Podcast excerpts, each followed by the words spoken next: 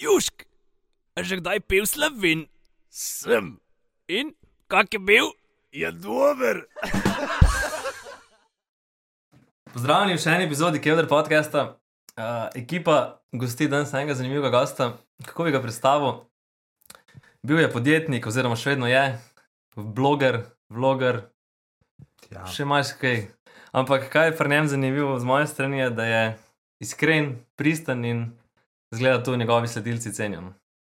Z nami je Tomaš Gorec, pozdravljen. Pozdrav tudi vam, vsem Živa. štirem. Živijo. Um, ja, za danes, jaz sem mislil tako, da bi šli mi skozi tvojo zgodbo kratko, kronološko. Ja. Se pravi, zakaj, zakaj je ta prav, ta prav gost, zakaj ta prav gost? Zdaj, kaj po dolgem času spet gostimo enega dolenca, to mi je všeč. Ene par delov zdaj nismo imeli dolenca, tako da je spet prišel tako avtohtono okolje. No? Ja. Tako da, ja, če bi začel kronološko, se pravi iz okolice Trebnega, Tako. Ja. Uh, mene najbolj zanima, s- slišal sem zgodbe o starejših, kako je bil en klub v Trebnem Afrika. In sem slišal same dobre stvari o- o tem, ker zdaj v novem mestu je problem, oziroma dolenskem, ki nimajo mladi iti kam ven. No? Mislim, že mi smo to doživeli, ampak zdaj se mi zdi, da, da imajo iste probleme. Tako da me zanima, kako se je to začelo, pa zakaj. No, ja, res, jaz sem imel diskoteko, imenovala se je diskoteka Afrika Trebne. Zakaj se je to začelo, kaj mislite, bi kdo ugotovil? od vas? Žene, žene in alkohol. Tako nekako, ne. Seveda sem razmišljal, da ja, verjetno pa bom lahko kašno lažje dubo, če mu diskoteko, da bom frajer, pa to ne. In sem si želel pač imeti diskoteko. Sej tudi vsak mlad fant, ki si želi imeti neki full dober avto, zakaj si ga želi imeti? Zato, da se bo udobno vozil, po mojem, da ni to glih tu, ne. Tako da pač taki smo moški. Uh, čeprav, kaj mislite, a je tu po laufalo na polno ženskem, ki sem v diskoteko ali ni? Jaz mislim, da je bilo veliko enega odgovornosti in stresa in mislim, tako si predstavljam. Ni to mehna stvar. No. Ne, to ni majhna stvar in res je bilo tega velik. Hotel sem pa, vas sem pa to zato vprašal, ker sem ho- hotel povedati, da kot tam lastnik diskoteke, ki kdo misli, da so tu kar skočile vse name, ne, to ni bilo tu. Je pa sem pol po kakšnih dveh letih pogruntal, da je veliko bolj interesanten kelner biti, ker sem šel pa za šank delati, sem bil bolj interesanten pri ženskam, kot kot lastnik. In tako, kot kakšne mlade fante, take, ki vi srečam, sicer ne vem, a imate ste samski ali imate punce ali ne, ampak če ste samski, lejte, pa da mal težje punce dobite za šank pete delati, pa bo takoj gužva velika. Tam je skozi ta kontakt, direkten. Pa, Ne vem zakaj. pa zapitim, da še vesele. Ne vem zakaj, ampak eh, kot kelner in se nisem to, da sem bil sam jaz aktualen. Ne? Tudi te fantje, si- sicer fanto je manj delalo, ne vem zakaj niso hoteli fantje delati, prnas verjeten zato, ker smo jih bolj ven iz šanka pošiljali, ker to, če si žensko poslal, to so čist prešlatali. Ne? In je bilo logično, da so to fanti okol hodili, kozarce pobirati, pa to. In so se tu, ne vem, zgleda hitro naveličali, tako da 90% je žensk delalo. Ne? Ampak vsi fanti, ki so delali, so bili jaki frajeri in tu so imeli žensko, ker so hoteli, ni bilo tu, da sem samo, ker sem šel za šank. Fanti so raj pil, ker točili najbrž. Ja, no, sej, veš kako, ko si mlad, če ga malo spiješ, še malo bolj pogumen, pa tako naprej, ne, je pol kombinacija vsega. In moram tudi reči, da mi je bilo ful dobro delati za šankom. In takrat, ko je bila ful huda gužva, je bilo ful lušno mi, najbolj brez veze bilo pa pol, če si uno čakal, da je vsak na pet minut en prišel, ne, tis pa nisem maral delati. Tudi ta hudi gužvi sem šel pol pa zelo velika delati in mi je bilo to prav lušno. no. Pa to je bilo sem petek, sobota. No, to je bilo, ja, petek, sobota, še tako je bilo, ne, to diskoteka je kar težak posel. Ne, se jaz sem tam tudi en video, dve ure poslo- posnel, da sem vse to povedal, ker so mi drugi rekli, da je to zgodbo povej, da je to zgodbo povej. Jaz pa nisem mislil, da bo to koga zanimalo, ampak je to en bolj mojih gledanih videov. Sem ga pa tudi zato posnel, ker ljudje mislijo, kako je tu fino bilo vse skupaj, da je denar samo padal, nobenih problemov, žensk cel kup, ampak je vse drugo, tako kot si rekel, ne, odgovornost velika, to, kaj je bilo to vseh enih težav za znort, no, za znort. In tudi eh, neki biznis hud ni bil, mislim, to je, to je moj najbolj zgrešen biznis. Čeprav ne se to lepo šliže, sem v diskoteko, ki so hodili iz cele Slovenije, ampak to se tako gnarjeno toložilo je, tu sem bil zapufan, uf, še pa še. To, to, to je najbolj stresen obdobje mojega življenja, tako da zdaj le ni denarja, da bi me nazaj v tisto dal. Ja, pa kaj je bilo, pa, recimo, takrat v Sloveniji situacija? Imel si verjetno kaj, nek klube, kot so ne, turist, dolno obali, gavioli. Je to že bilo vse takrat? To je bilo takrat, jaz sem 96. Pa Lipa je tudi že bila. Prvo, Lipa je malo kasneje, kaj jaz. Uh, aha, no, vprašal si petek, soboto. Ja, še tako je bilo. Ne? Sobota je laufala sama od sebe, petek si pa mogel nekaj narediti, da so ljudje prišli koncert. Vse koncerte sem vse te hrvaške, se zna, parni valjak, prljevo kazališče. Največkrat je bil Jasmin Stavros, po mojem, bil ene 20krat. Uh, Bajaga, mislim, skoraj ni Petr Graš, Oliver Dragojevič, Severina, skoraj ni nekega hrvaškega izvajalca, da ni bil. Kaj pa elektronka je bila tudi? Tudi, sam tisti pa prenese še dodatne težave. Ja, ja. Pa še dodatne težave prenese. Ker rešilca rabiš. Ne samo to, policija, pa um, pa tretne, tudi, tudi so mene so pol povezovali z drogo, z vsem živim. Ne.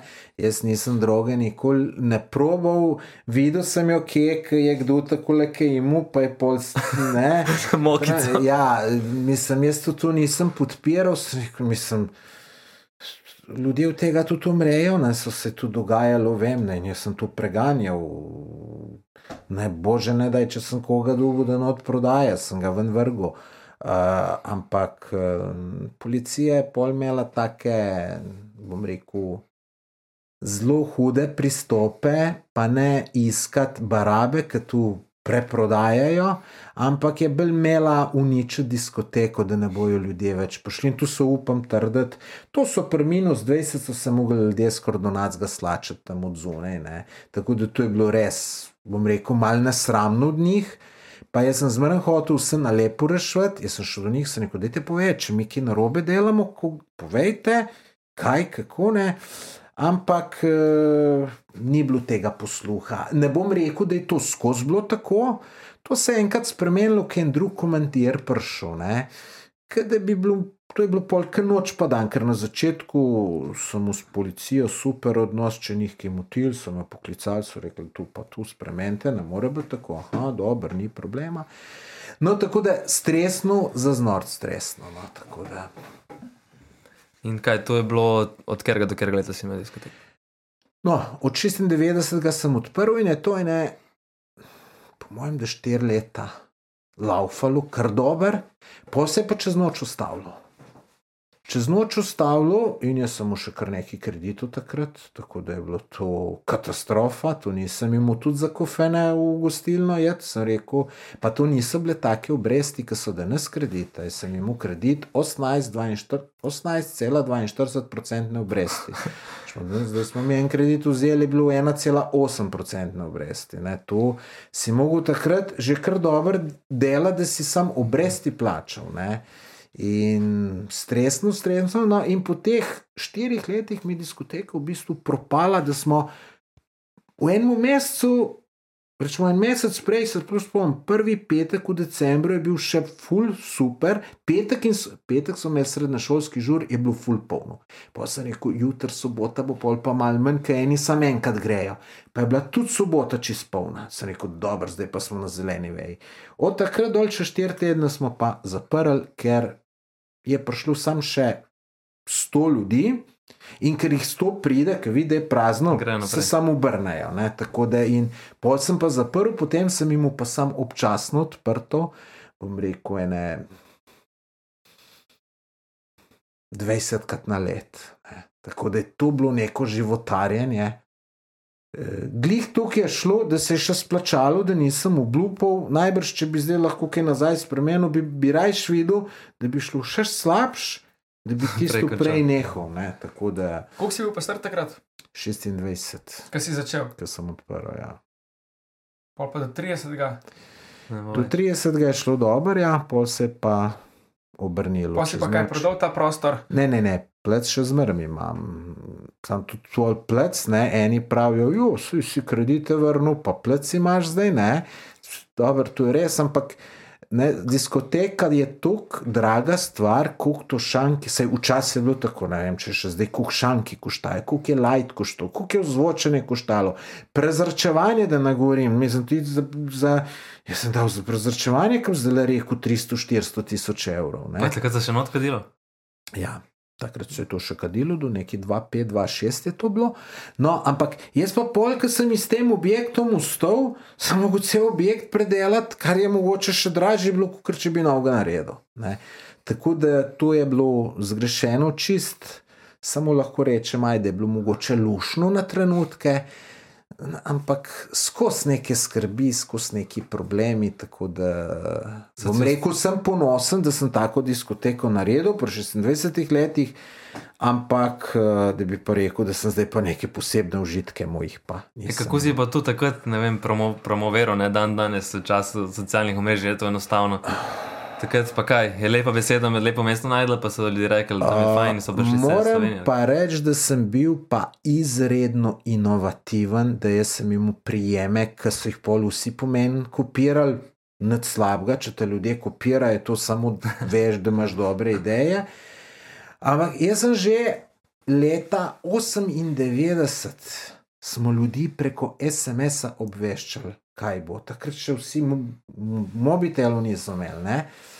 In tu sem jaz najdel neke variante, da se prek spleta zastojim po požigal, ker, si. ker takrat je bil uh, SMS, če si poslal. to je 5 bilo- centov, ne, če bi sem centov, dolarja. Je bilo to kar, če bi zdaj rekel 20-30 centov, sigurno. Ne? In zdaj, če hočeš ti tu na par tavžen poslati, je kar neki strošek bil. Smo to smo delali. Mi smo že pred na začetku začeli od ljudi na neke fore zbirati, da smo dobili njegov naslov. List.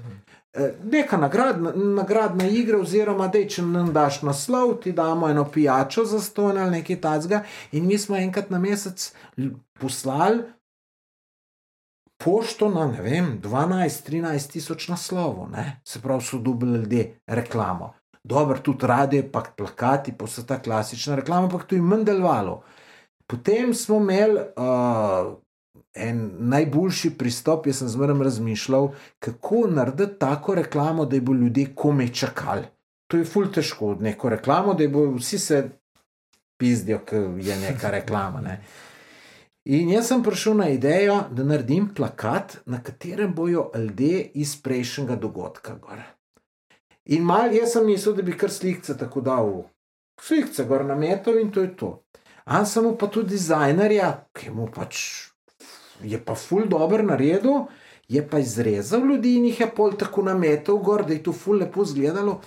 In te plakate smo mogli mi trikrat limati, zato ker so jih ljudje dol pobrali, pa ne strgali, ampak da ga je doma v sopu, kljub temu, da smo rekli, da zmeraj lahko človek za ston dobi plakat v garderobi in smo to tudi dajali, ampak to je bilo neverjetno in tisti plakati, mislim, to je ideja za oglaševanje, ki je vredna, ne vem, 100 tisoč evrov, sigurno. Jaz sem zdaj imaš druge probleme, zdaj bi se ti folk pritoževal, da je na plakatu. verjetno. Verjetno, da res. Čeprav smo tam napisali, da slikamo in tako naprej, vse sem takrat malo zakon preštudiral, mislim, takrat je tudi tu pol tako bilo. Tiske noter slikov so ljudje za njim hodili, stari, dej slikaj me, pa dej, da bom gor na plakatu. ne. Tako da, da to je bila ena taka huda ideja. Potem mi smo že leta 2001-2002 smo človeka slikali v diskoteki, smo naredili razgledanco, smo mu dali razgledanco, smo rekli, evo, zdaj pa prijatelju piš, ne. In ko smo to ta prvič naredili, jaz sem prav, jaz sem te razgledance printal, ker to je bila una fora, da smo tisto barvo sem kupil, ker če bi kartuše kupil, bi bankrotiral, ne. Pa sem ti spomnil in sem, in sem sprintal tistih razgledanc 500 sigurno. In pa smo pa rekli, ne, vi, ki tu spomnite po garderobi, da je razgledanco in bomo mi poštnino plačali, ker tudi je super reklama, da tam en dobi. Ne, ne vem, da ti dobiš od njega nekje na razgledanci. Ne. Bolje Še, še danes bi bilo to dobro. Bolje osebno. ja. Ja. No, in nobene, mislim, jih je bilo od 500 naprintanih, sam 500 jih pride. Sem rekel, kaj so zdaj tu ljudje, so jih stran metali ali kaj. Pa smo pa pogruntali, da so jih najbrž domu za spomin vzeli. In ko smo naslednjič delali, smo pa rekli, ti kuk razglednic najdeš, ajde eno boš domu vzel, povej, kuk imaš še ljudem, pa smo jim pol dve, tri ali pa štiri sprintali, če jih je. In to je bila tudi vrhunska reklama, včasih je bila tudi pošta, full pocen, včasih je bilo tu pisem poslati, breku. Po občutku, vsaj trikrat, štirikrat se neš kot zdaj. Tako da sem imel ene, bom rekel, zelo, zelo dobre prijeme eh, za tiste cajte. No. Bi rekel, fejs pred časom.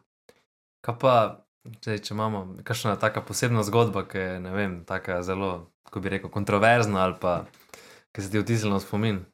Ja, je Lahko da je bil kakšen pripetljaj ali pa kakšen pripetljaj, ki se je končal na humoren način in ne slabo. Te zgodbe je ogromno. Vse sorte je bilo. Tepe so se itek. A ja, no, dobro, to, no, tepel. Tu sem jaz osebno zared skrbu, uh, pa ne zato, da bi se jaz rad pretepal, ampak jaz sem se zavedal problema, da človek, če, bo, če ga bo strah v diskoteki, ne bo prišel. In jaz sem tudi to pošto, ki smo pošiljali, sem zmeraj jaz še en osebno dopis kot lastnik napisal in sem rekel: Lejte, če imate kakšne težave, glede, da vas duh nadleguje, ustrahuje, pridite do mene, pa ne bom nobenemu rekel, ti unije rekel, da si ga maltretiral, ne, boš anonimen, tako da sem tu rešil. Pa še pa sem slišal do zgodb, se kdo ni upal prideti, zato ker se enega drugega bal. Sej, pač take stvari so se dogajale, ampak jaz sem tu hotel minimizirati in tudi se je čim manj pretepalo. In uh, čas je bilo tudi drugače, čas, kjer ga ven vrgu, malo zbrcal, pa se je drug dan upravičiti prišel. Ne? Zdaj, danes je pa najbrž samo do odvetnika dobiš. tako Ja, je Nobel Bori, ko se je tudi upravičil. Razlika. ne. Kaj pa cigani so kaj hodili, so bili, so bili kaj problemi z njimi ali je bilo redo? je pa, uh, uh, no. To je bil velik problem. Jaz sem bil tudi kazensko ovaden zaradi rasne diskriminacije in mi je dve let zapora grozilo, ker jih nisem noter pustil. Not jih nisem pustil zato, ker uh, so sranje delali. In se še spomnim, postavili se tam, so prišli, jaz sem rekel, ne greste noter. In me pol še on reče, še enkrat vprašam, gremo lahko ali ne? Sem rekel, ne. In oni grejo. V kombi, sem rekel, ah, fino, šli bomo. In sekire pa biljard palce. Ne bejzbol, ampak biljard palce. Si imel sekiro medže takrat, že pred časom. In uh, ne, jaz tam stojim, sekiram, mi je pa bilo uno, aha, se če se malo stepeš, pa kašno dobiš, še ni tako hudo, ampak če me pa sekira, ne. No, in takrat pa priznam, da se nisem umaknil unem, ampak dobesedno od straha se noge niso premaknile. Ne. In še prišel se kira, pa je tako le mah, tako le malo zamahnil za menoj. Ne. Tako da tu so bili hudi problemi. Ne. In bi pričakoval, da bo policija na moji strani, pa je bila kontra. Moje strani so jih in domov hodili groziti, in vse. Eh, grozno, grozno, grozno. In tudi takole, um, koga, mislim, da je koga spoznaš v Ljubljani. Pa te vprašaš, kje si streben, ga, o, kaj smo v Afriko hodili. In jaz pol, zmeraj, vsakega vprašam, še, ja, in kako je pa bilo? A, fino, fino, sem pol smo smo nehali, ker so bili pač te. Dolenski brazilci. Ja, tako da ne, so mi, sej tudi je diskoteka propala, eh, takrat ta prvič, tu je bilo tudi to veliko krivo. Ne? Šlatali so ženske, un tretji in pač ni šlo, in pol policaji so me s takim forum, ne, ha, jih napustiš noter, aha, lej, tle sta dva, ki nista še nikoli tle bila, se pravi, te dva ti nista sranje delala, ta dva moraš ti not pustiti. Ja. Mislim, in pol neka rasna diskriminacija. Se je tudi neka družba, če sta bila dva težaka, pa dva, ki jih tudi nismo nikoli videli, jih tudi nismo noter pustili. Pa se je bilo tvoje, zakaj bi jih mogel, če nočeš? Ja, ne, to so pa zakoni taki. Ti pa vsak mu moraš ti po zakonu, če imaš neko storitev, nudiš, moraš ponuditi pod enakimi pogoji. Ti ne smeš to razdeliti. Ne smeš preprečiti enemu stop. Ne. Ne, dobro, so tiste fore imeli nekaj. Kaj če rečeš, da dela probleme? Ja, lej, uh, no, Sem, če jih ni veliko beseda, če je več, verjetno šteje. mislim, lej, uh, to je bilo, ne, mislim, lej. Dubu sem kazensko vadbo, prav pisalo je, zagrožena kazen do dve let zapora. Ne? Tako da, lej, tu ni pol enostavna zadeva. Ne? Sej pol je bila zavržena, ampak moraš odvetnika aktivirati, tu se moraš aktivirati. Mislim, to ni lušno. Ne? Ja, pa, Tako pa da- stresno, predvsem. Ker, ja, ker Čas pa stresno. stres pa. Ja, Pa se pa človek zakera, pa še si v las rata za brezvezo. Ne? ja, tudi sigurno. Ja, no, ta, ta diskoteka, jaz sigurno bom kakšen let prej umrl, sem prepričan. Mislim, to je bilo živcu, tu pa še alkohola. No, tako da- Pa pa dajmo za zdravje, eno zdrav s cvičkom. ja, čin ne. Zdravje. Zdravje. zdravje. A ja, no, zdaj se lahko še zahvalimo našemu sponzorju, Kletkačko, da nam, kako bi rekel, olajša uh, ta rdeča nit podcasta, povezovalni element. A ne sami ne predelate. Predelamo se, smo ugotovili, da boš da se profesionalcem damo.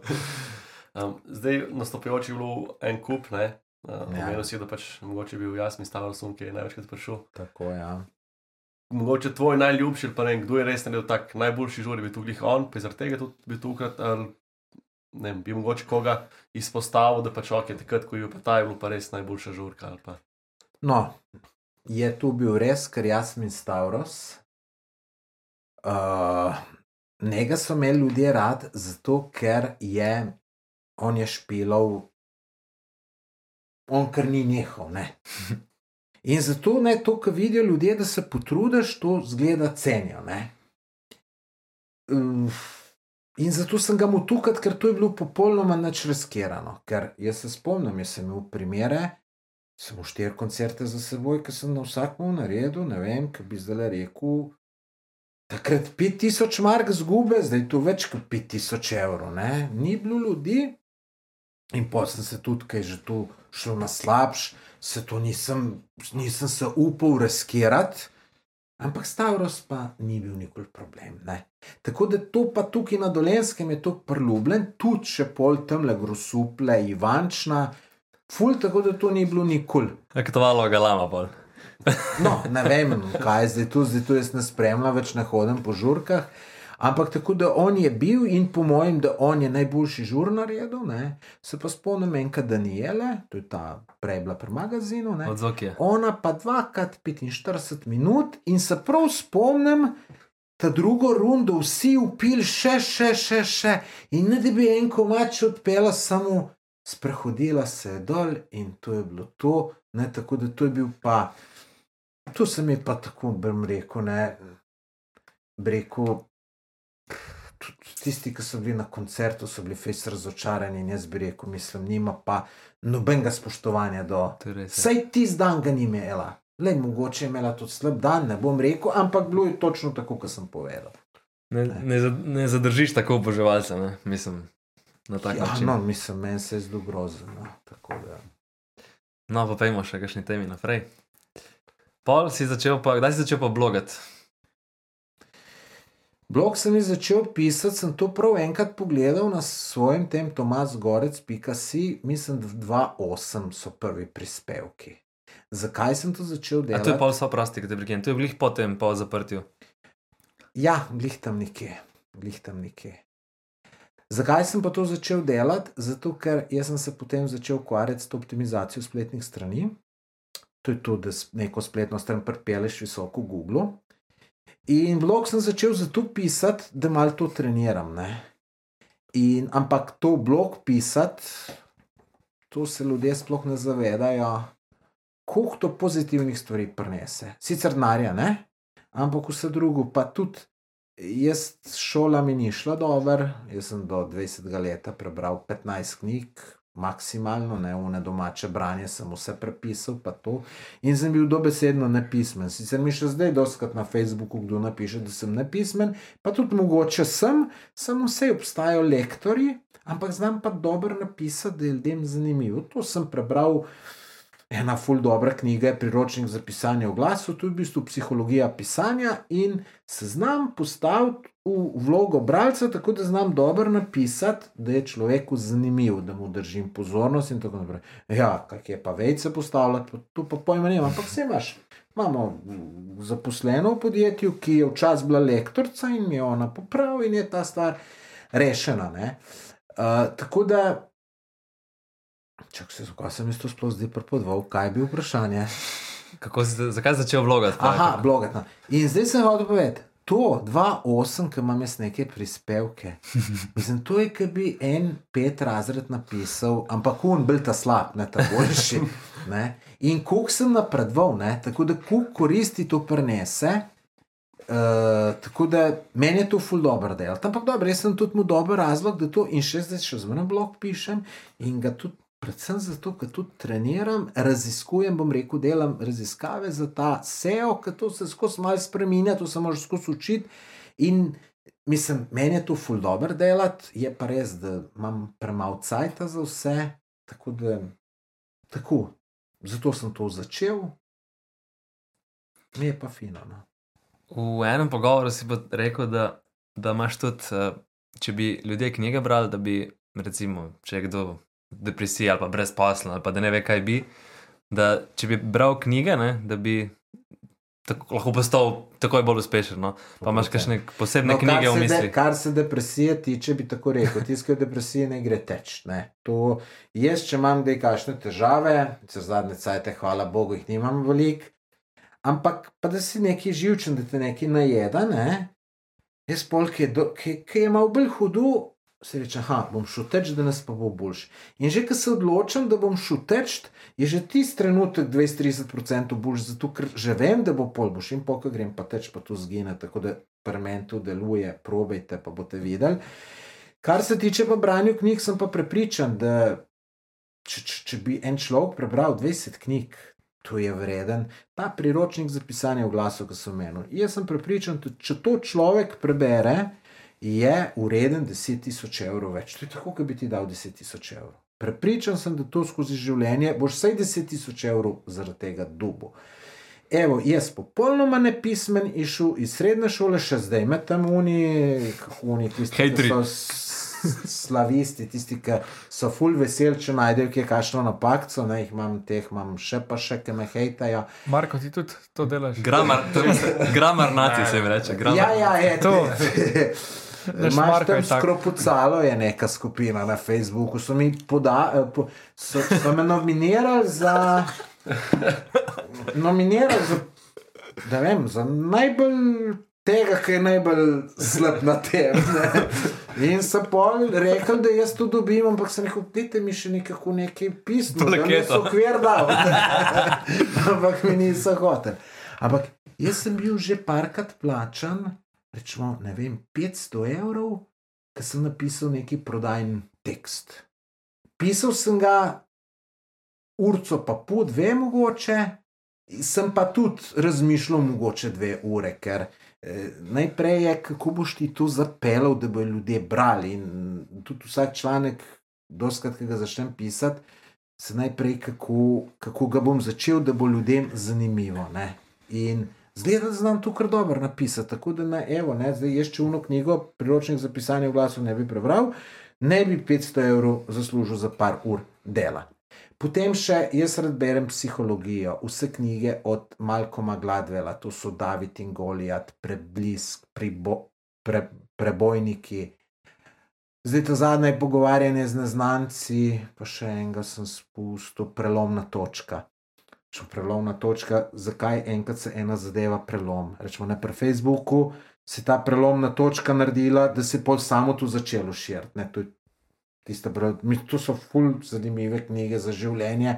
Vsak, če prebere, je to super. Pol den Arieli predvidljivo nerazumni. To je tudi dobra knjiga. Ali pa od istega avtorja Resnica o nepoštenosti, oziroma poštenosti, v klepaju je pa nepoštenosti. To so tako dobre knjige, da na koncu kaj prebereš, rečeš pa škoda, ker sem jo prebral, ker sem užival v branju, bi jo še enkrat. Ne? Pa verjetno teh knjig še veliko, pa se jih zdaj ne spomnim. Ne? Pa Tako da prebereš knjige dvakrat? Kakšne? ene sem prebral dvakrat in uh, razumem zdaj, zakaj nekateri cel življenje berejo sveto pismo, pa koran, pa te svete knjige, ker vsakič malo drugače. Zdaj ta priročnik za pisanje v glasu sem se že to tretjič uh, spravil brat. Uh, sicer sem, sem začel, zdaj imam zadnje cajt, imam vse tu, vse te vlogi in tudi ogromno cajta vzame in nimam cajta brati. Če bi pa prišel en duh iz svetilke, pa bi rekel eno, eh, eno željo te uresničen, bi mu pa rekel ti, lej, Ustav cajt zdaj na tem trenutku, pa me kaj prežarč na eno sansko plažo, pa 50 knjig mi daj, pa me en mesec tam pust. In to je to, in bi jaz užival v branju. Tako da. Ne, knjiga to je noro, mislim, to je. To si res, koliko si bil, mislim, koliko tudi samozavestno te naredijo. Mislim, in poznam zelo veliko zelo uspešnih ljudi, poznam jih tudi veliko takih, ki so čist iz nule začeli. Enega poznam, ki je tukaj v eni dolenski znani firmi delal. Pa je rekel, da je mu eno uro na dan je mogel delati, eno uro je mu, eh, pol ure je mu malce, šest ur pa pol pa knjige bral. In je na šihtu 120 knjig prebral. Kaj bi varnostnik, kaj? No, Javno kaj? ta človek je ultra, ultra uspešen. Ultra, ultra. In, tu, in vse tudi, jaz sem na dosti teh poslovnih seminarjev hodem, ne, tu taki, ki so Sandi Češko študijemo dela, tu, tu, tu, tu berejo knjig, tu so jih prebrali ogromno. In vsi, večinoma vseh teh, ki so uspešni, imajo skupno to, da so veliko knjig prebrali. Obstajajo tudi nekateri, ki niso nobene prebrali, ne, ampak je manj. eh, v knjig to dobiš toliko informacij, da je nekaj nevrjetnega. In ideje, in tako. tako da. Ja, pa dosti več razmišljaš. Da, Ja, pa da se še razmišljaš. Da ne štrkaš pa. Ja. Je pa ne meni, vi ste mlajši, ne vem, kako gledate na to, ampak jaz moram knjigo brati. E-knjiga, tudi No, Bill no, no, no. Gates ne gre. Bill Gates je rekel, da vse, kar je več kot tri strani, da sprinta. Jaz tudi, če že kaj na netu najdem, si sprintam, pa pol preberem, drugače pa knjigo tudi zmeren kupam in manj. Jaz, ki si knjigo kupam, to je, to, to je, to imam, to je, to se mi se kar kaj rok držim, se ful dobro počutim, kot da bi en mi ne vem koga dal. Ne? Tako da imam to rad, ampak imam pol problem, da pa cajta ne najdem za brati. ne. Ja, to je kot oni trikotniki, zmeraj imaš dve od treh stvari, ali pa ne, nikoli nimaš vse. Tako nekako je. Ja. No, pa gremo pa zdaj naprej, pa še iz eh, pisanja na, na vloganje. Ja, Potovanja, potuješ odmeraj, rad sem videl, to je res, ja. ampak najraje pa po Balkanu. Naraj po Balkanu. Mislim, najljubša destinacija mi je Balkan, to sigurno.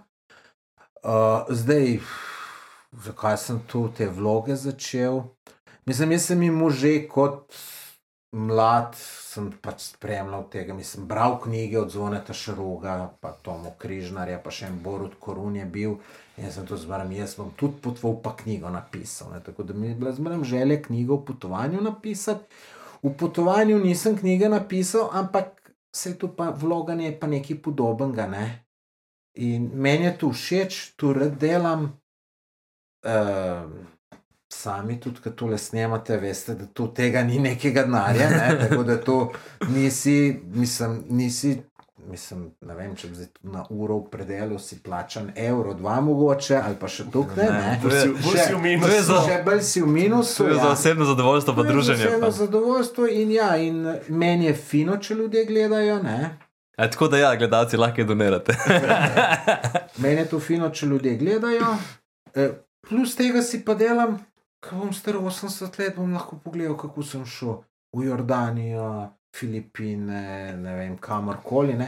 Tako da meni je to ful dobr in imam s tem velike načrte. No. Jaz imam tudi eh, eno knjigo, še sem jo začel pisati, pa sem jo tudi nehal, pa sem jo moram spet spraviti, ki je, bo naslov Vse se da, če se hoče. In uh, jaz mislim, da tudi na tem YouTubu lahko uspem s trdim delom, s ta pravo volo in imam še veliko, veliko uh, idej, kaj bom šel se naredil. Uh, Veliko se jih bom pa še spomnil. Jaz bom tukaj cajt razmišljal, da bom prišel do neke ideje. Vsako stvar se da nekako uh, rešiti, in tudi to se da. Ne? Razen diskoteko, ki je pa čist propadala, že, je pa, se je pa ni dalo rešiti. No, to je edino, kar ne verjamem, da bi se dalo rešiti, drugo se pa vse da. Um, eno vprašanje, mogoče čisto. Uh, sprav, praviš, da zelo rad potuješ, v diskoteki je bilo ime Afrika. Je kle kakšna povezava, je pač ime, je pač v čistku. Uh, ime se je izmislil arhitekt. Aha, ok. Ampak je dobra fora, je rekel, le Afrika bo ime, se prav spomnim. Je rekel, le kva dobra fora, bo kdo rekel, kje si bil v Afriki. Ne?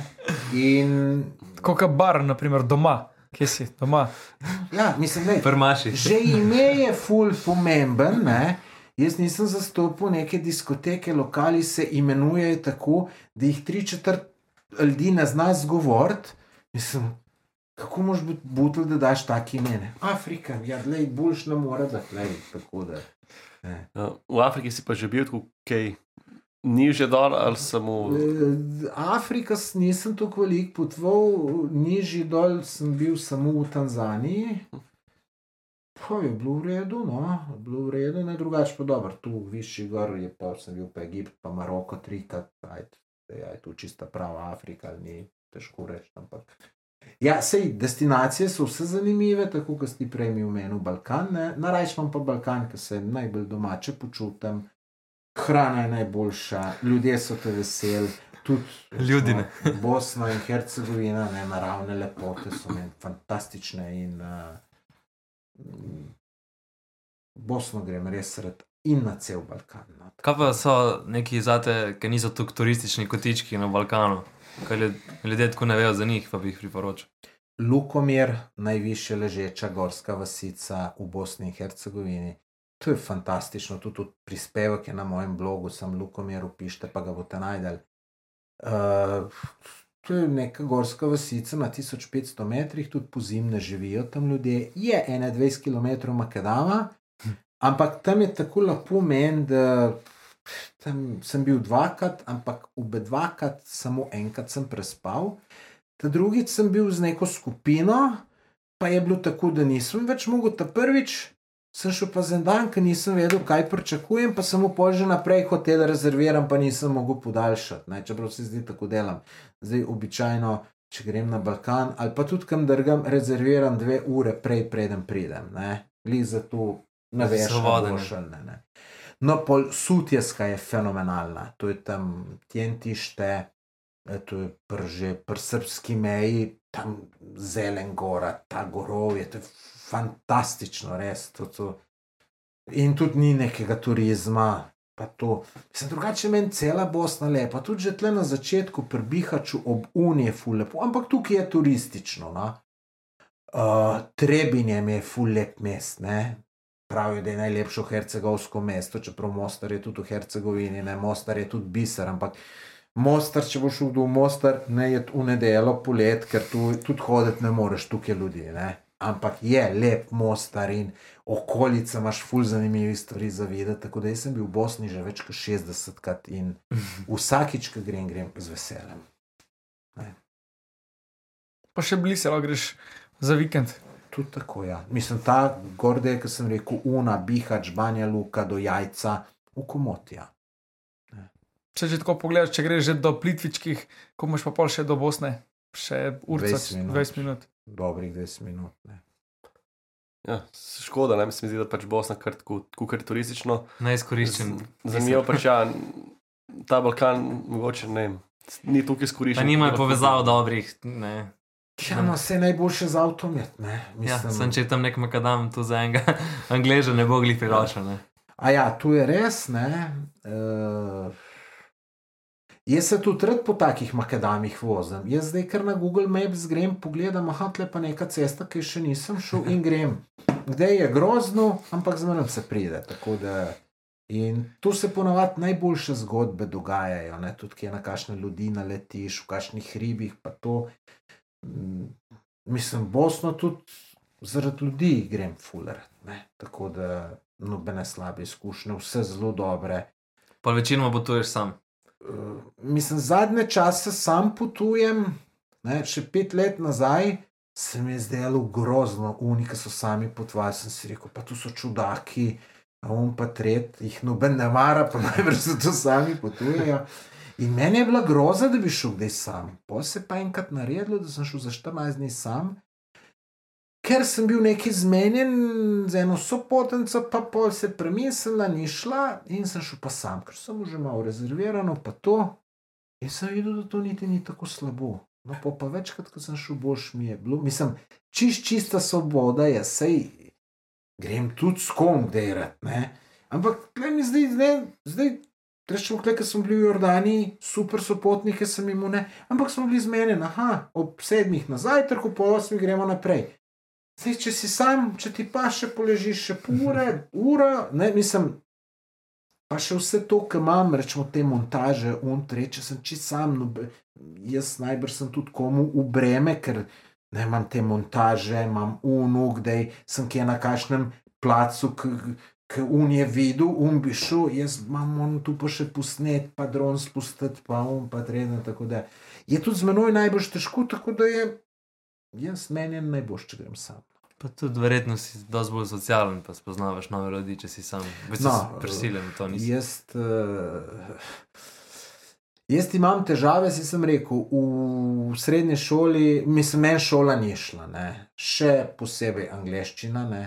Tako da jaz, rekel, ki je v tujini. Vse je znakovni jezik. Če ni, če ni, eh, mislim, če ni Balkan, ne, jaz zelo malo komuniciram, kar vem, da sem ful prekrajšan zaradi tega, ampak mene se pogovarjati, si znam angliško, se jaz, jaz tu dve knjige na leto v angliščini preberem iz tega mojega posla, ampak ti smije lahko brati, ker že malo vem, kaj bo pisalo, pa. Ampak pogovarjati se, se poslušati vse za to, ampak jaz nekaj povedati. Moram pa priznati, da mi je kar težko. In uh, nisem navdušen, če če srečujem kašne ljudi, ki se hočejo skozi pogovarjati. Rečemo, bil sem v Indoneziji na eni ladici in sem jim v majico s tem le napisal. In so videli, da imam YouTube in pol so bili vsi z menoj pogovarjali, jaz sem bil tu tako zmatran. Mislim, če se angliško pogovarjam, sem tako zmatran, kot bi s krampom pet ur delal. Ne. Na Balkanu je pa to, ne, na Balkanu počutiš družbo. Mislim, lej, ta druga človeka, ki ga srečaš, če mu samo dober dan rečeš, eh, je zainteresiran za pogovarjati se. Ne. Mogoče še eno foro, da povem na Balkanu, kaj sem delal, pa dobro, bom tudi še kdaj. Ne. Enkrat sem šel z eno punco, pa se mi prav, kaj bova mi dva zdaj te naslednje nedelje. Pa sem rekel, hale, ti dan greva, kaj je on dan, kaj ne bi bilo tako, Mostar, Višegrad, pa to. Sem rekel, lej, en dan bo pa šla se pa malo kul vozila, pa naj bo kdo na kavico povabil, pa tako naprej. Kako kdo naj bo na kavico povabil? Tam, če vprašaš v Bosni na eni vasi za pot, te bo vsak na kavo povabil. Ne? In točno tako je bilo. Pa nisem za pot vprašal, zato da me človek na kavo povabil, ampak sem res nisem najdel. Nikje je bilo za zavit noter nekaj, nekaj posebenega, znanga so šla pogledati in on pred razlaga. Prav pa se grem vama pokazati, da grem lahko z vama. Ja, pet in pol te pele domov. Žena, vse je delal iz divjih češenj tega človeka. Ja, dobro sem se spomnil, da moram je tu obiskati, tam prpalah je. Uh, žena je sedela z divjih češenj, imela štrudel z divjih češenj, sok z divjih češenj, rakijo z divjih češenj, vse z divjih pol. Mislim, pa ne da tu izkoriščam, mene zato mene ta življenje ljudi zanima. Ne? In pol naj na kosil povabo, seveda sem šel neki daril kupiti, močem zdaj, da sem jaz njemu na grbi, sem šel pa mislim. Je una rekla, so potence, rekla, tako pa pri turistični agenciji ne dobiš, pa če plačaš, ko krčeš. Ne? In tu v Bosni je res te vsak povabil, aj tam v Mostarju, te na boki turisti, že na vasi pa. nekih vaseh, ne. In tu, tu izkoristil, pa jaz tudi, ne, v Bosni, če kdo štopam, oziroma ustavim. Ne, tudi, eh, Vidiš, ki je ob cest, eh, kakšna stara ženska stoji, čaka avtobus ali ne vem koga, jaz ustavim, v zapeljem. Vsaka ta druga reče, če nimaš kje spati. Meni, mislim, so izredno gostoljubni, tako da to je. Bosna je res doživeti, če greš. Kaj pa recimo zdaj, vse videe montiraš sam, Ja. tu si se vse priučil, si že odprej malo znal. Ali? A, ne, prej nisem nič znal, mislil sem, da je to kvantna fiska. Ampak polje pa so delavci enkrat en ta ure- urevalnik nabavil za en mesec. Rekel, Tomaš, le ti bom jaz pokazal, kako je to enostavno. Pa sem se branil, sem rekel, le da nas nimam cel boš. Pomi pa ta zadnji dan, ki mu še plačam, rekel, le da je Tomaš, kar odpri, da ti jaz pokažem, ker mi da nas poteče. Sem rekel, ma kako je to enostavno? Mislim, enostavno, sej. Se da milijon stvari izboljšati, ampak vsaj da znam sestaviti, ker prej jaz nisem to znal sestaviti. In če bi jaz tu ene tri leta že prej delal, bi mu zdaj najbrž, ne vem, 60-70 tavžent naročnikov na YouTubu, sigurno. Ker meni se je YouTube začel dvigati, ker sem začel te montirane videe delati. In pol se tudi učiš, kaj vse moraš. Ja, vse je že fultko narejeno, za poprečnega uporabnika se zelo hitro nauči. Ja, te- vi ste malo mlajši, ki jaz, veš, vam je lažje, ne, veš, jaz zdaj na Snapchat sem šel, ne. Pa Pa to je ustrajnost, vse je ustrajnost. Ja, na Snapchat sem šel in ne pogruntam tega Snapchata, kako deluje. Res ga, vi ste na Snapchatu. Nič več. Jaz ga, jaz ga ne pogruntam, res ga ne pogruntam. Ne. Pa poznam socialne mreže, te Facebook, Instagram, YouTube, eh, pa TikTok. Ja. Znam v piko. Mi smo pač tudi že TikTok. Snapchat mu je samo zato, da se na skrivaj pogovarjajo z drugimi. A to je to, ne vem. Ki se. Pa slike si pošiljajo. Tako je. Provokativno. Ja, nisem vedel, le. jaz sem šel čez Nič zdubo še. Ne, nič čudo. Tako da lahko pošljajo. ne. A dajmo še enkrat na zdravotno. No. Ajde, zdravje. Opa. Čin. Živeli.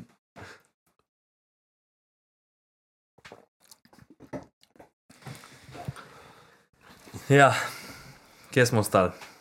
Aha, mene tu pa malo vprašanje zanima, ker recimo veliko potuješ, zdaj za enega začetnika, ki potuje. Kaj so neki taki osnovni nasveti, ki bi jim mu dal, da bo njegovo potovanje lažje, oziroma da se ne bo nafukal po domače? Da ga ne bo kdo napukal. Uh, no, ta prvo je, da se človek odpravi, ker se ni nič hudega. Vsi se vse da, mislim, nekomu to zgleda tako grozno. Jaz sem moje prvo potovanje, šla z bratom, ki so bili stari, jaz sem bil star 19 let, brat pa 16. Pa sva šla v Turčijo, pa šel v Irak, so mislili. Ampak doma sva rekla, da greva v Grčijo, ker Turčijo ne bi pustili. To, to, je, ja. to je nazaj 33 let. Takrat nima telefonov, da te mama vidi, kje si. Jaz sem se zlagala, da gremo v Grčijo, so šla pa v Turčijo. In ne, mislim, če so se mi do takrat znali, nobenega interneta, takrat ni bil internet, ti slovni planet smo imela knjigo in to je bilo to. Sicer se je tu, bom rekel, slabo končalo, ker se ne znajdeš. Um, mene je še pol leta prej prva punca pustila in takrat tudi, če bi me dal kamorkoli, mi je so bile misli prnej. Ne. Tako da ti se je bilo tako končalo, ne, uh, bi pa svetoval ljudem, ne, tudi če greste prvič na potovanje, pa da vam je brez sveze. Dajte še dvakrat pite na silo, ki pol vam bo lušno ratalo. Tu več kot kar, eh, mislim, vsakič, ko greš na potovanje, je lušno. In tudi, je še deset let nazaj, sem jim rečemo, domotožje, mislim, domotožje. Tako ja, aha, sem kar malo odšteval. Zdaj ne, zdaj ne vem, tudi ko grem. Tako, če grem z avtom, doskrat podaljšam za kašen dan. Ker sem šel lanski let do Gruzije z avtom, sem računal, da grem za 21 dni, ampak sem pa še ne 4-5 dni podaljšal, tako da je bilo 25-26 dni. Ne. E, Pa pejte na začetku, pejte malo bližje, pa ne za preveč dolg cajt, da se vam tu res, da ne bo domotožje prehud, ker tudi, da imaš domotožje, se tu malo normalno, pa ker nisi navajen. Navaditi se moraš, sej na začetku je vse težko, se tudi bicikl, ki se ta prižgeš gor, je težko, ali pa smuča, ali pa vse. No, jaz pravim, da je potovanje, ki smučanje, ki greš ti ta prvič smučati, je ena sama muka, ne znaš, učiš vse. Polk se pa naučiš, je pa lušno. Kako pa je bilo to do Gruzije? Je bilo luštno, mislim, to si prav po Vrhunsko. Gruziji. Uh, šel sem do Gruzije, čez celo Turčijo, že v Bolgariji sem se za ne dva, tri dni ustavil, dva dni. Je tam neka zanimiva zadeva. Uh, šel sem sam, kar mi je tudi odgovarjalo. V Gruziji sem bil, mislil sem, da poudarek na Gruzijo. Ampak, ne, si tu so tudi izkušnje, ne, pravim, večkrat moraš iti, ne, Gru, sem se čist na robe lotil Gruzije, ne. Jaz sem šel z unem Mercedesom, ki ga imam GLA. Nisem vedel, da so v Gruziji najbolj zanimive stvari v hribih, pa da so ful slabe ceste. In jaz sem v tisto ena uš guli, najviše ležeča vasica v Evropi, če šteješ Gruzijo pod Evropo, eh, na 2150 metrov, tu sem jaz edini s tem avtom prišel, da ni bil džip. Ne? In uh, ful stvari nisem šel, ker uh, nisem avto primeren, tako da če kdo šel v Gruzijo, mora iti z džipom, oziroma če bom še enkrat šel, enkrat bom sigurno šel, ker mi je ful všeč, bom šel z letalom, pa tam renta kar vzel džip, pa vse pregledal. Ne? Se večinoma itak se, mislim, take stvari so, da, sam da greš iz mesta. Greš po vseh na podeželje, narediš nek road trip. Ja, ja. Vrhunsko drugače. Tudi, no, sem bil po Gruziji malo manj dni, kot sem planiral, zato ker je v enem trenutku bila vremenska napoved cela Gruzija, daš, se hočem podežil, en dan vožne stran, Turčija, pa sonce. Sem rekel, nič ne bom, kaj vdržil, pa res nimaš kaj delati. Ne. Tako da sem bil v Gruziji, ne vem, ne. Deset dni, samo pa plan, rečemo 12-14 dni, pa pol ni bilo tega. ne. Drugače pa fantastično. Ne. Sam doskrat tako Gruzijo poveže skupaj z Armenijo neko potovanje. Ne? Za- Tak, takrat je bil tu še mal problem, takrat so bili še te COVID testi, povsem za Gruzijo sem rabil negativen COVID test. Aha, sem rekel, dobro, gremo v Turčiji delati, noben problem. Ampak pojk je pa ta test prihajal, da ga mogo delati prvič. Že živčen si mal, kje boš to najdel, pa pa zažal. Ko pa če slučajno pozitivno pokaže. Ne zdaj sem, da nam je v Gruzijo mogoče, verjetno bi tudi tam nekje izolirali v Turčiji. Za znord. In potem sem pa rekel, da grem še v Armenijo. Armenija pa Turčija pa nimajo meje, ki so Aha, skregane. bi mogel čez Gruzijo Ja, nazaj. spet še tam te zdaj. Mi, je tu minilo, drugače pa ja, verjetno dobra ideja. Kako ne. pa je tam na meji, če ga z avtom veliko čakaš? Pa? Ne, ne, ni, ni, ni sile. Ti sicer vse pogledajo, avto, ne, mislim tako. Mislim, Ni to gruškove. Ne, ni. Jaz tudi, rečemo, na potovanjih jaz nimam absolutno nobenega straha. Ne? Jaz sem šel tudi v Ukrajino, 9. maja sem šel. Ehm, Takrat je še tudi na Kijev, da je kašna raketa pala. Ne? Jaz mene tu ni bilo ne strah, da me neka raketa. Mene je strah na potovanjih samo ene stvari. Ne vem, da bi mi kje kaj potaknili. Tu me je strah. Uh, ne, in tako da teh carin se večkrat bojim. Ne?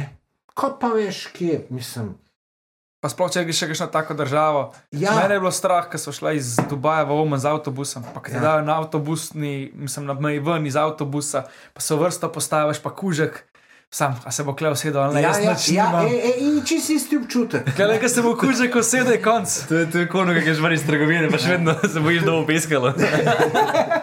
Ne, ali pa ne vem, mislim tudi tam, da bi se tam, ne vem, ali pa da bi se zdaj, ne vem, mislim, da bi kje kdo, rečemo tudi, če bi kje bil, da bi mi jih deset grozil, da me bo preteplo, tu se nič ne bojim.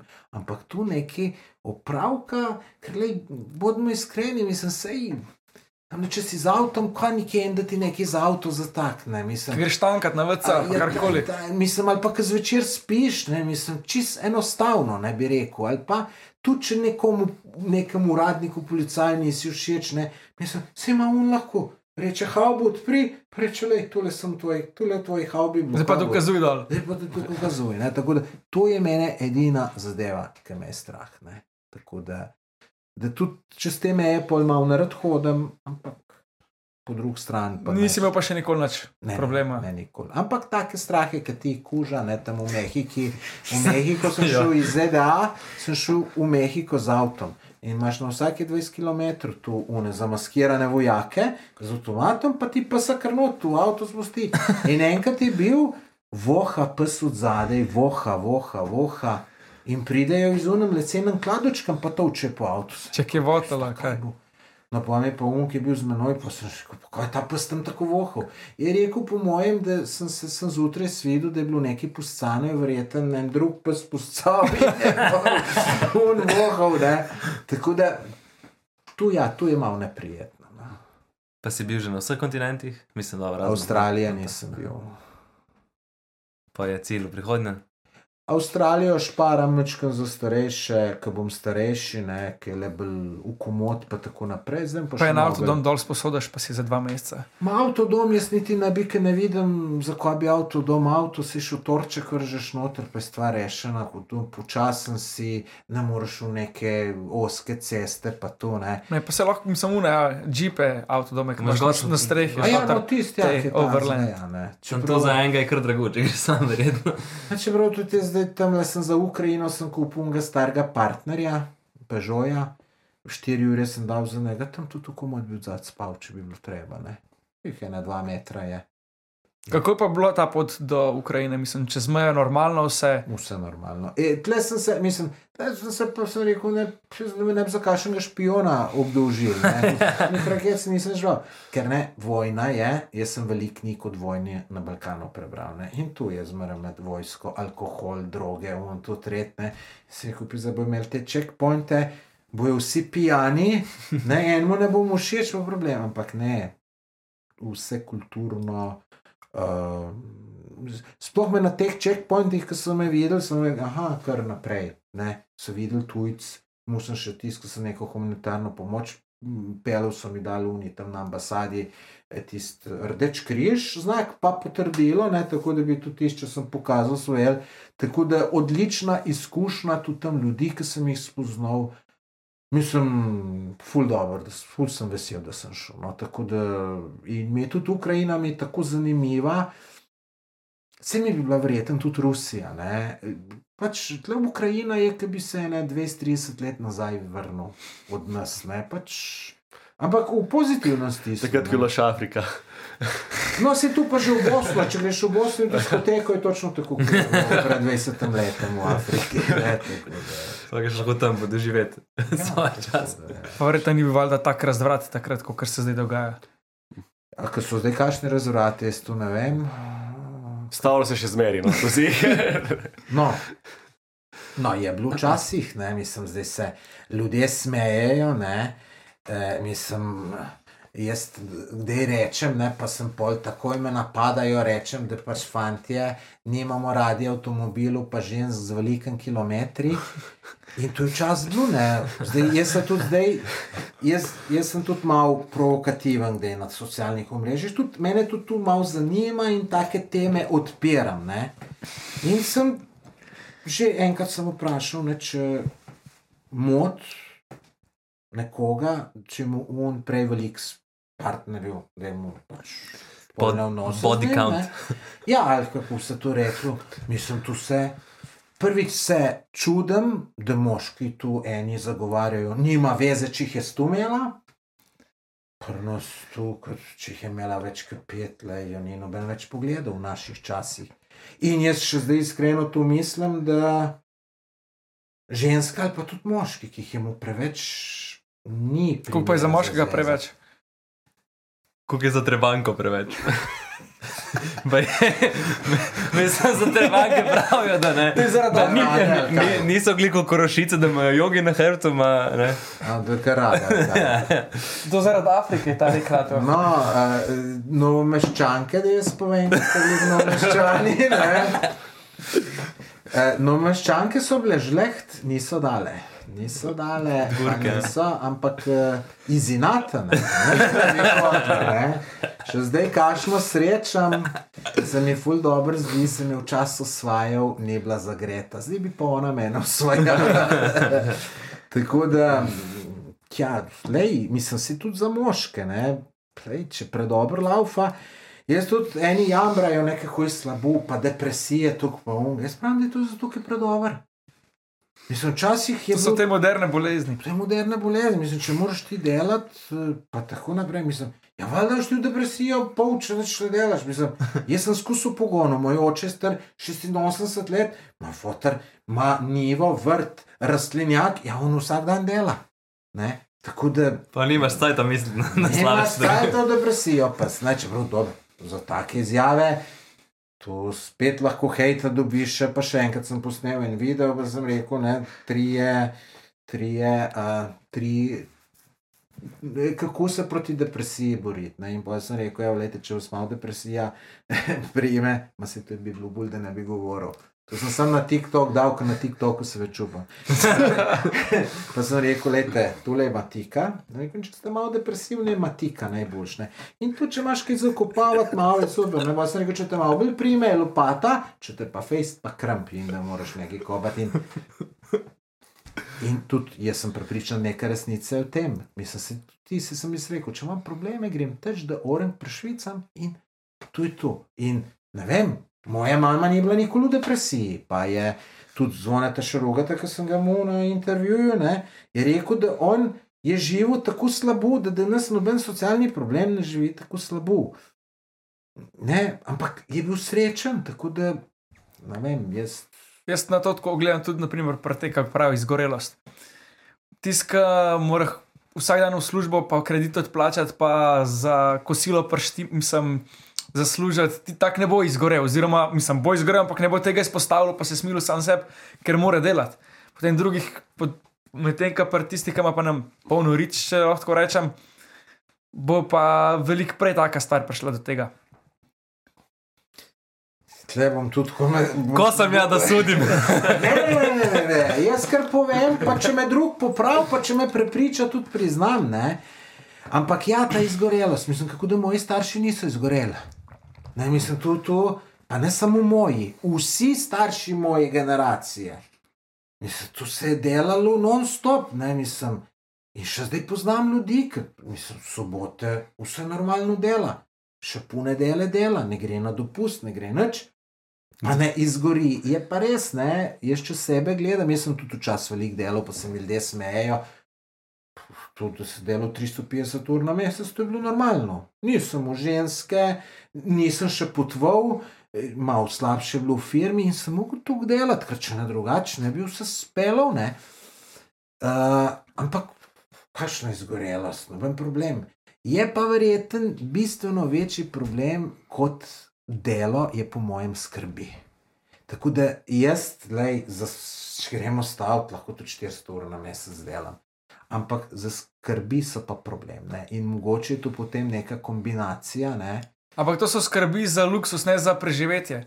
Pa ne, ne, ne oni se skrbi, ko imaš. Skrbi, veš, imaš Kaj na- zase, kaj še za druge? Veš, imaš na To firmi, je dobro, drugo, vem, če, ne. če imaš za zaposlene. Eni Ampak delajo, ne vem, jaz imam poslovne partnerje, ne, ki, ne vem, propade firma, ki jim 300 tisoč evrov dolžna.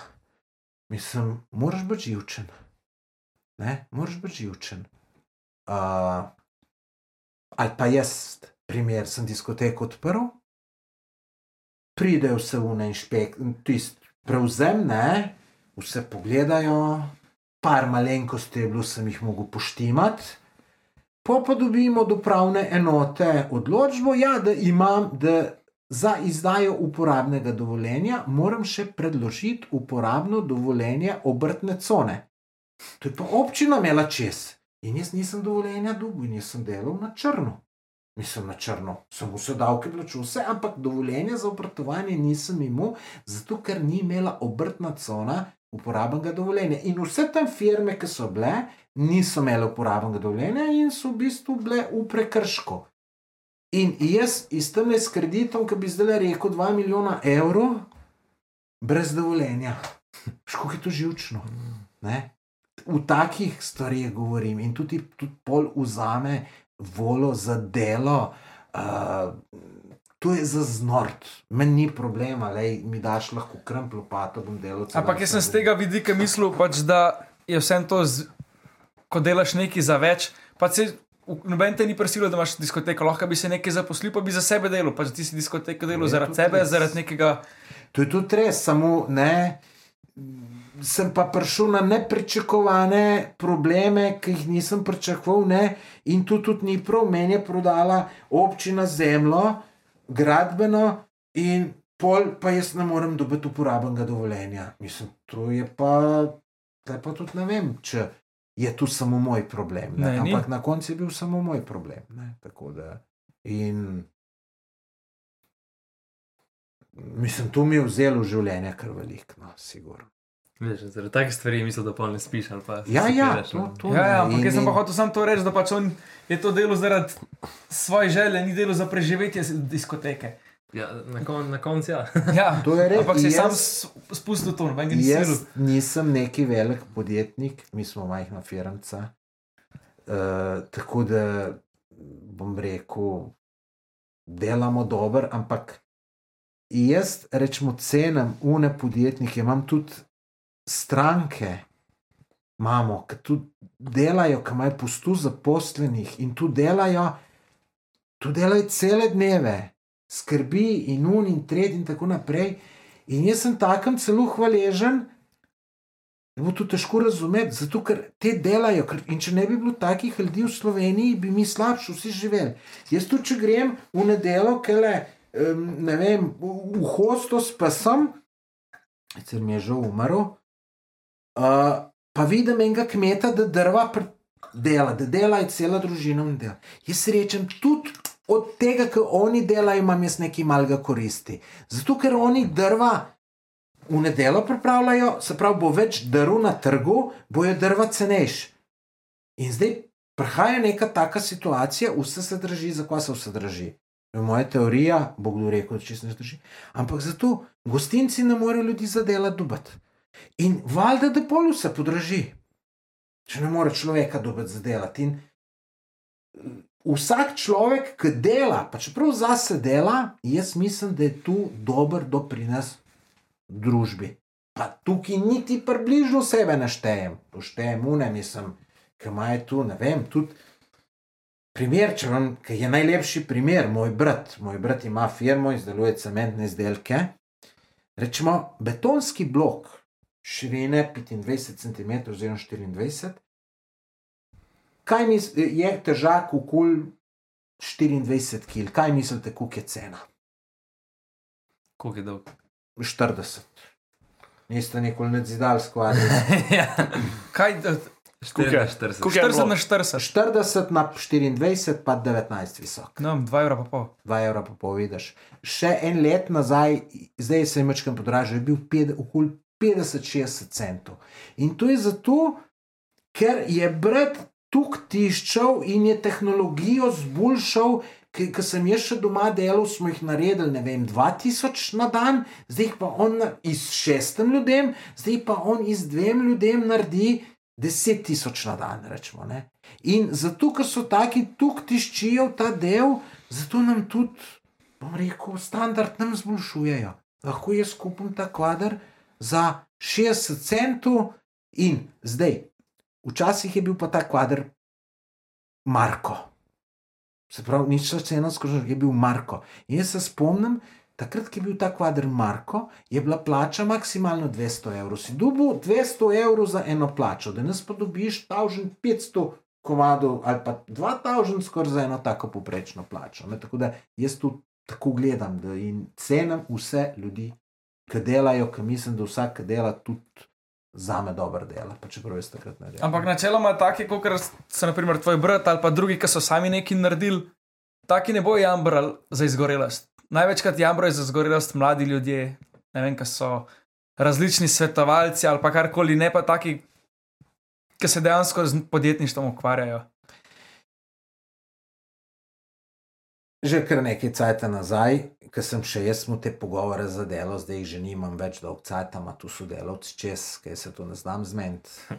Mislim, eh, ne znam, predobro se zmenim. Eh, Bi, bi, za njih bi bilo bolj, če bi se z menoj pogovarjali. No, in je bila ena punca, pri nas na dur se ne dela. Nikoli ni noben nadur delal, mislim, ni bilo potrebe in jih ne delamo. Ampak vprašanje sem povsem imam za človeka, ste pripravljeni narediti kašno naduro, zato da vidim, kaj bo odgovoril. In prav je ena, ja, kdaj lahko kaj, ampak da bi pa izgorevala, tako kot prej sem v službi, pa ne. Ha, sem rekel, no, kje ste delali? Knjižnici. E, Lej, ne bom povedal, kje je ful znana organizacija, ampak klih nekaj takega kot knjižnica. Čeprav nimam, nič nimam proti knjižnici. Ma se lahko povem, na rdečem križu je delal. Aha, sem rekel, kako ste pa delali? Je rekla, enkrat sem mogla 9 ur pa podelati, sem čisto zgorela. Jaz sem bil še enkrat stari dne, pa nisem nikoli ne delal, samo 9 ur pa pol. Včeraj sem šel pol enih, rečemo, iz šihta. Sej res, zase delam pa tu, ampak pa ka- kakšen si tu človek, da 9 ur pa pol delaš na rdečem križu in ti izgorevaš. Hodiš ne. v službo, da veš. Ne vem, ne vem, tako da ja, to mi je čist jasno. Ne. Verjamem pa, da nekdo, verjamem pa tisti, ne.